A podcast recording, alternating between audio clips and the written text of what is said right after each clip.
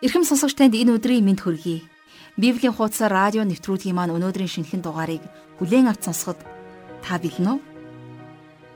Тэгэхээр эзэн бидэнд болох болохгүй зүйлийн хууль дүрмийг биш харин зүрх сэтгэл мэс чанарынхаа дагуу бусдыг хүндэтгэж зөвийг сонгох эрх чөлөөг өгсөн. Энэ бол итгэгч хүний амьдралд байдаг гайхамшигтай эрх чөлөө.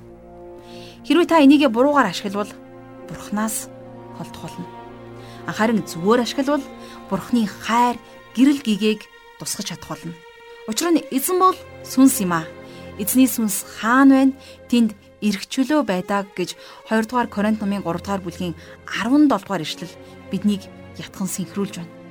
Тэгэхээр Бурхны үг болоод сүнс энэ ертөнцид ноёрхож байдаг гэдгийг та ойлгож ухаарах нь энэ хичээлийн хамгийн гол цөм ойлголт байсан. Үнэн дээр Христэд итгэгч хүнийг ялахгүй зүйлээс болж бие биенээ шүүхээс зайлсхийх ёстой гэж ятгадаг. Харин энэнд ямарваа нэг зүйлийг чин сэтгэлээсээ шалгах хайр болоод даруй байдал дотор бие биенээ зэмлэж засч залруулах шаардлагатай үед чуулганы сахилгажуулалтыг хэрэглэхийг чухалчлах хэрэгтэй гэж бидэнд заасан. Энэ бол итгэгч хүмүүс бидэнд суралцах ёстой хамгийн чухал зэвсэг төдийгүй эрдэм юм. Ингээд өнөөдрийн хичээлээ эхлүүлэхээс өмнө хамтдаа энэ цагийг бурхандаа даатгаж залбирцгаая.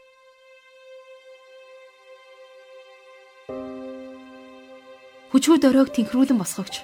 Энэрэнгүй хайраар дүүрэн бурхан аав минь ээ. Та биднийг болцодгүйгээр хайрлсанд баярлалаа.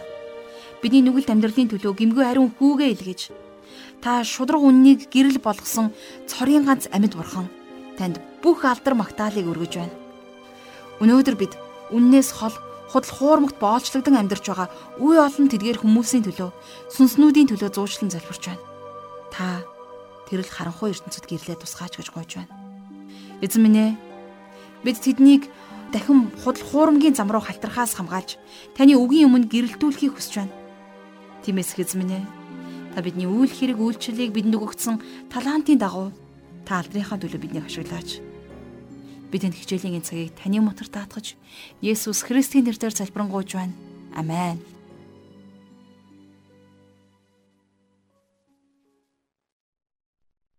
За өнөөдрийнхөө хичээлээр бид хамтдаа хууль дүрмээр биш харин ариун сүнсний зөвхт байдлаар алхах тухай үргэлжлүүлэн суралцах гэж байна. Өнөөдрийн маань судлах хэсэг дээр яг одоо таны хийж байгаа зүйл хэний ч мэс чанарыг зулгах ёсгүй. За бас Христ хизээч өөрийнхөө сонирхлыг төрөнд тавьж байгаагүйтэй адилхан бид нар итгэлээрээ сул нэгнээ хүндэтгэж өөрийнхөө сонирхлыг хойш тавих тухай их чухал сургамжийг хүлээж авах болно. За ингээд хамтдаа өнөөдрийнхөө хичээлийг эхлүүлээд Ром номынхон 14-р бүлгийн 18 дугаар ишлэлийг уншъя. Христэд инхүү үйлчилдэг хүн бурханд таалагдж хүмүүсээр сайшаагдана. Бурхны хаанчлал дэлхийд бит байдлаар ирэх боловч та шинээр төрөх үедээ аль хэдийнэ сүнсний ертөнцид ордог. Тэр газар Христэд идэж ууснаар үйлчилдэг юм биш. Харин түүнд ариун сүнсний зөвхт байдал амар тайван баяр хөөр дотор үйлчилдэг. Эдгэр зүйлсийг хийснээрээ итгэгч хүн бурхан таалагдж за дээрэс нь хүмүүсээр ч гэсэн бас сайшаагдана. За хүмүүсээр сайшаагдана гэдэг нь таныг итгэж болсонд хүмүүс баярлаж танд алга ташхыг хэлээгүй юм шүү. Ихэнхдээ таныг итгэх үед хүмүүс хавчиж эхэлнэ тийм ээ. А гэхдээ таны жинхэнэ итгэлийг хараад хүмүүс дотроо баярладаг бол харин хуурамч итгэлтэй хүмүүсийг хоёр нүүртэй гэж хүмүүс жигшдэг. За энд итгэгч хүний амьдралын маш чухал зарчим гарч ирж байна. Итгэгч хүний үг яриа болон үйлдэл нь бурханд тааламжтай байж хүний мэс чанарт бас нийцэх ёстой. 19 дэх ишлэлийг хамтдаа харъя. Тиймд амар тайвныг тогтоодог болон бие биенээ босгон байгуулдаг зүйлсийг мөшигцгөөе. За энд хоёр талын урамшуулал ятгалаг гарч ирж байна. Тэгэхээр нэгдүгürt нь амар тайвныг тогтоодог зүйлсийг мөшигцгөөё гэсэн нь энэ зүйлсийн төлөө хичээнгүйлэн зүтгэхийг хэлж байна. Итгэгч хүний хувьд итгэлийн ахан дүүсээ бүдрүүлэх зүйлс хийхээс хичээнгүйлэн зайлсхийж байх ёстой. Энэ бол ятгалгын сөрөг утгатай тал нь. Харин эерэг тал нь бол сүнсний үйл зүйлс болох зөвхт байдал. Амар тайван. За бас ариун сүнсний баяр хөөрийн төлөө амьдрах явдлыг энд ярьж байна. Чухамхүү эдгээр зүйлсэл итгэгч хүнийг босхон байгуулдаг юм. За цааш нь 20 дугаар ишлэл дээр идэх юмнаас болж бурхны ажлыг бүү нураа. Үнэн дээр бүх юм цэвэр аж. Харин бусдад бүдрүүлэг болж идэх нь л хүний хувьд муу юм аа. Тэгэхээр энд маш тодорхой хэлсэн байгаа биз? Идэх юмнаас болж бурхны ажлыг битгий нураагаарай гэж. За мэдээж итгэгч хүний хувьд мах идэх эсвэл идэхгүй байх нь эрх чөлөө. А гэхдээ аль нь ч түүнийг бурханд ойртуулахгүй. Тэгэхээр бид нар бие биенийхээ хэрэгцээг хангаж идэж уухдаа итгэлээр сул дорой нэгнийхээ зөргсдгэлд бурхны хийж байгаа ажлыг нураах ёсгүй гэсэн энэ ерөнхий зарчмыг баримтлан амьдрах ёстой. Нэг хүний хоол нөгөө хүний хор гэдэг үг байдаг тийм ээ. Тэгэхээр энэ ч гэсэн үнэн. За жишээлх юм бол санаж байна уу? Исав Бурхан болон ууган хүүгийнхээ эрхийг эрхэм зүйлд тооцоогүй. Тэр өөрийнхөө ууган хүүгийн эрхийг аяг шөлөөрөл арилжичдэг. Тэгэхээр ууган хүүгийнхээ ивэл өрөөлийг ийхүү хоолоор арилжиж болно гэж юу? 21-р эшлэл дээр мах идэхгүй дарс уухгүй эсвэл ах トゥ уч нь бүдэрдэг ямар нэгэн зүйлийг үйлдэхгүй байх нь сайн гэсэн байна. За тэгэхээр энэ хэсгээс эхлээд Паул эргээд идэж уух тухай ярьж эхэлж байна тийм ээ. Тэгснийхээ дараагаар ямар нэгэн зүйл гэж бусад бүх зүйлийг хамруулан хэлж байна. Итгэлээр сул нэгний хувьд асуудалтай. За тэр хүний мэс чанарт сөргөөр нөлөөлж чадах альва зүйлийг итгэлээр бат нэгэн нь хийхгүй байх ёстой гэсэн үг. 22 дугаар эшлэл дээр Та өөртөө байгаа итгэлээ Бурхны өмнө өөрийнхөө хувьд л байлга. Зөвшөөрдөг зүйлдээ өөрийгөө ялалдгүй хүн нь ерөөлтөө ёо. За энэ бол итгэгч хүний амьдралын хоёр дахь том зарчим гарч ирж байна. Тэгэхээр энэний өмнө буруу зөв гэж хөвхөн дотроо бодож байгаа итгэл үнэмшлийн тухай гарсан тийм ээ. Харин одоо бид нар Бурхны төлөө альва зүйлийг хийхдээ миний хувьд энийг хийх нь зөв үү гэж өөрсдөөсөө асуух тухай гарч ирж байна. Тэгэхээр би энийг баяр хөөртэйгээр хийж чадах уу? Энэ хоёр дахь ятгалга хүний хийж гисэн зүйлийг ярьж байна. Хийсэн зүйлдээ өөрийгөө яллахгүй байгаа хүн ерөөлтэй. Итгэгч хүн үйлдэлүүдээ харахад өөрийгөө зэмлэхээргүй тийм үйлдэлүүд байх ёстой. За би нэг жишээ татъя. За тэгэхээр та энэ жишээг их зөвөр ойлгохыг хичээгээрэй. Надаас олон итгэгч хүмүүс согтож болох уу гэж асуудаг. Хариулт бол тийм. Луг 15 дугаар бүлэг дээр гардаг тэнмэл хүү эцгийнхээ гэрийг орхиод маш хол явдаг. Тэр тэнд байхдаа согтуурч бас өөр нилээд хідэн зүйлсийг хийж байсан баг. А гэхдээ тэр эцгийнхээ хүү хэвээр байсан тийм ээ. За тэгвэл тэр хүү болон гахаанууд юугаараа ялгаатай вэ? Тэр хүү тэнмэл хүү гахаануудтай байхдаа өөртөө би энд байхыг үдзэн ядаж байна. Би энэ байдлаас гарна аавынхаа гэрт очиж гим нүгэл хийснээ илчилж гимшнэ гэж хэлсэн юм. За тэгэхээр арх хүн согтуурсан итгэгч хүн болон итгээгүй хүний хоорондох ялгаа юу вэ? За ялгаа нь бол үнэндээ маш энгийн. Итгээгүй хүн бол өглөө босоод ёо толгоо өвдөж дотор муухарч байна. Шараа тайлаад улам их наригнаа гэж хэлдэг. Харин итгэгч хүн яадаг гэж тэр ч гэсэн бас өглөө толгой нь хүндэрсэн байх нь ойлгомжтой. А тэгээд харин толгой гудайлган эзэн би өөрийгөө үнэхээр үзэн ядаж байна. Би дахин ингэмээргүй байна гэж тусламж гуйн хашгирдаг. Итгэгч хүн гим нүглээ бурханд илчилдэг. Харин сонирхолтой нь тэнмэлхүү дахин гахаан твш рүү очисон тухай Библиэлд огт гардаггүй. Тэрэнд тэр газар байх нь таалагдаагүй тийм ээ. Тэгэхээр энэ бол итгэгч болон итгээгүй хүний ялгаа.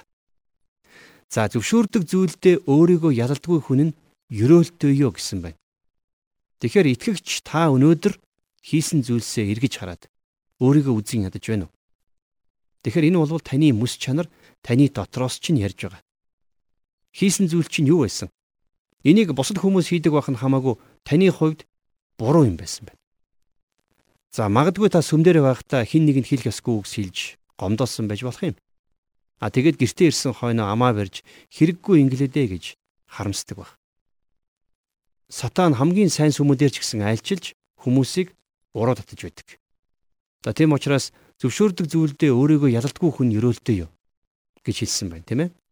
За үргэлжлүүлээд 23 дугаар ишлэлийг хамтдаа харъя. Харин эргэлзэгч нэг нь хэрв идэх аваас яллагдана. Учир нь итгэлээр бос юм. Итгэлээр бос алив бүхэн нь нүгэл юм аа. Та хийж байгаа зүйлдээ итгэхгүй байгаа бол энийг битгий хий. Тэгэхээр итгэгч хүний амьдралын нэг маш чухал зарчим энд гарч ирж байна. Итгэлээс гараагүй ямарваа нэгэн зүйл үйлдэл гим нүгэл болдог. Тэгэхээр энэ бол маргаантай зүйлсийн талаар өгөх ариун сүнсний хариулт.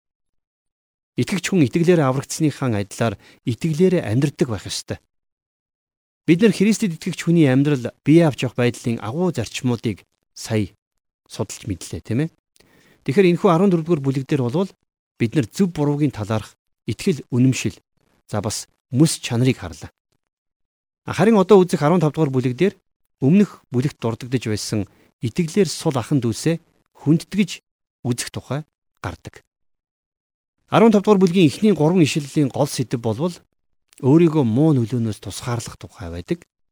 За харин дараа нь Бурхныг алдаршуулахын тулд евдээчүүд болон харь үндэстнүүд нэгэн бие болж байгаа.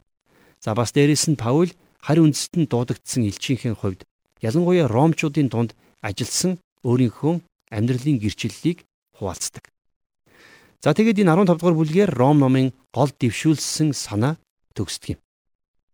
Ром номын төгсгөлийн бүлэг дээр Паул эргээд л хувийн харилцаатай байсан анд нөхөдтэй хандсан үгсээр энэхүү захиагаа дуусгасан байна.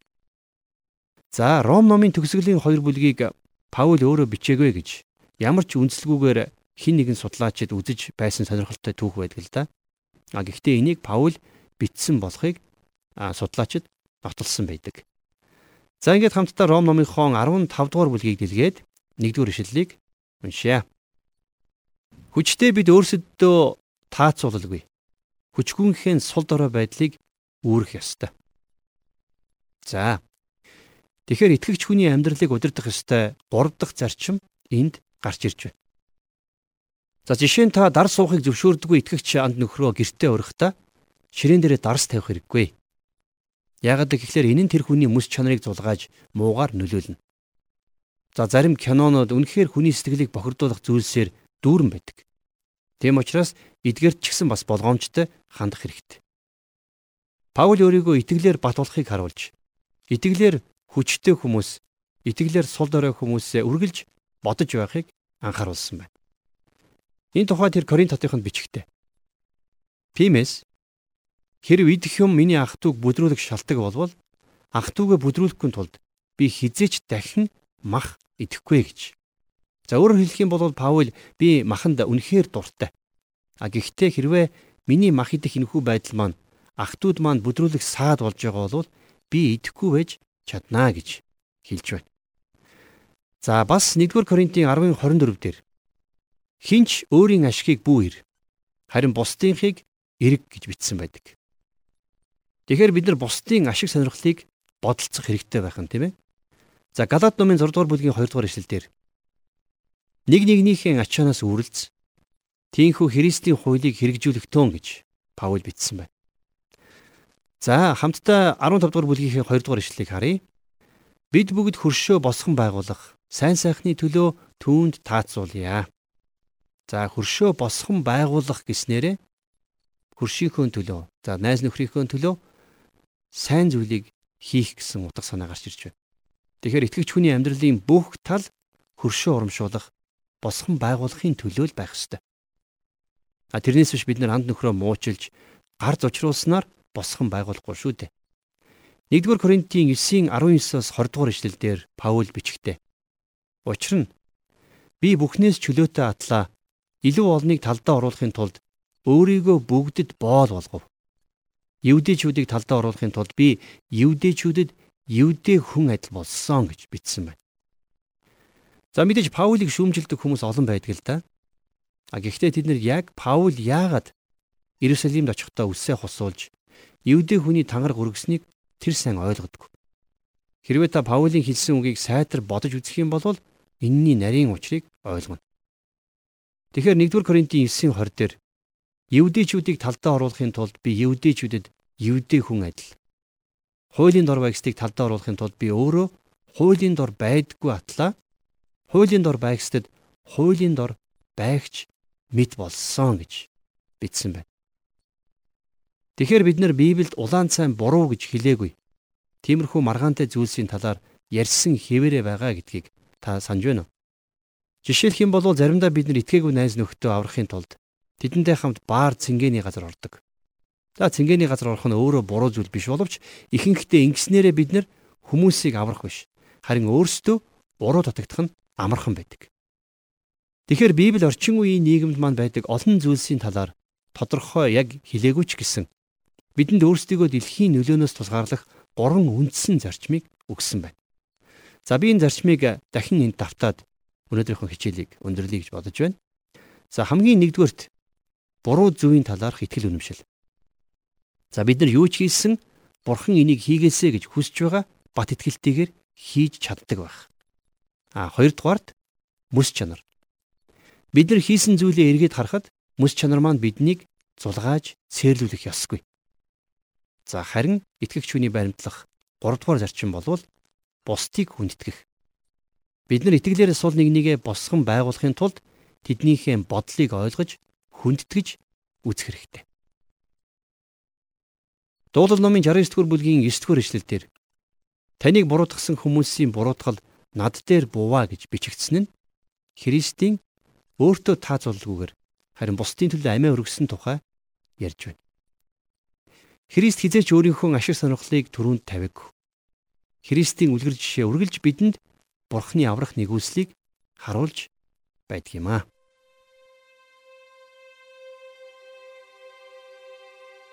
Тэгэхээр Христ дэлхийд ирэхдээ бидний авралын төлөө өөрийгөө өгөхийн тулд ирсэн. Түүний зүрх сэтгэлд үргэлж бид байсан. Харин өнөөдөр бидний амь амьдралд Бурхны төлөөх орон зай гэж байна уу? Бурхны зүйл бидэнд хэр чухал юм бэ? Таны зүрх сэтгэлийн гүнд ийм нэгэн чухал асуудал төрсөн гэдэгт би итгэлтэй байна. Учир нь Бурхан бидэнд өнөөдрийн амь амьдралыг асар их үнсэнээр төлж ямар ч болцолгүйгээр өгсөн тэмэл нэгүүлсэнгүй нэгэн. Тиймээс энэ амьдрал бүхэлдээ хайрлаж, суралцаж, бусдад өөрсдийгөө зориулахад оршиж байгаа юм. ертөнцийн туйлын ганц үнэн бол тэр хайр учраас биднийг энэ газар дэлхий дээр сураасаа гэж хүсдэг хамгийн чухал зүйл бол бусдыг хайрлах. Хайрлахыг сурснаар бид Есүс Христийн адил болж тийхүү түүн шиг Бурхныг алдаршуулж чадна. Тиймээс хайр бол бидэнд өгсөн түүний бүх тушаалуудын үндэс юм.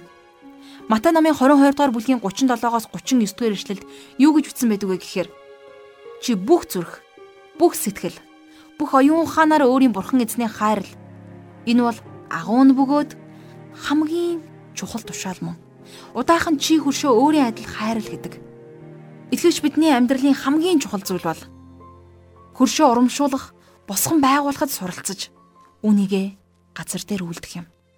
Бид найз нөхдөө муучилж, гар зочруулснараа хизээж босгон байгуулахгүй гэдгийг энэ мөчөөс амьдралынхаа мөрлөг болгоцгоё.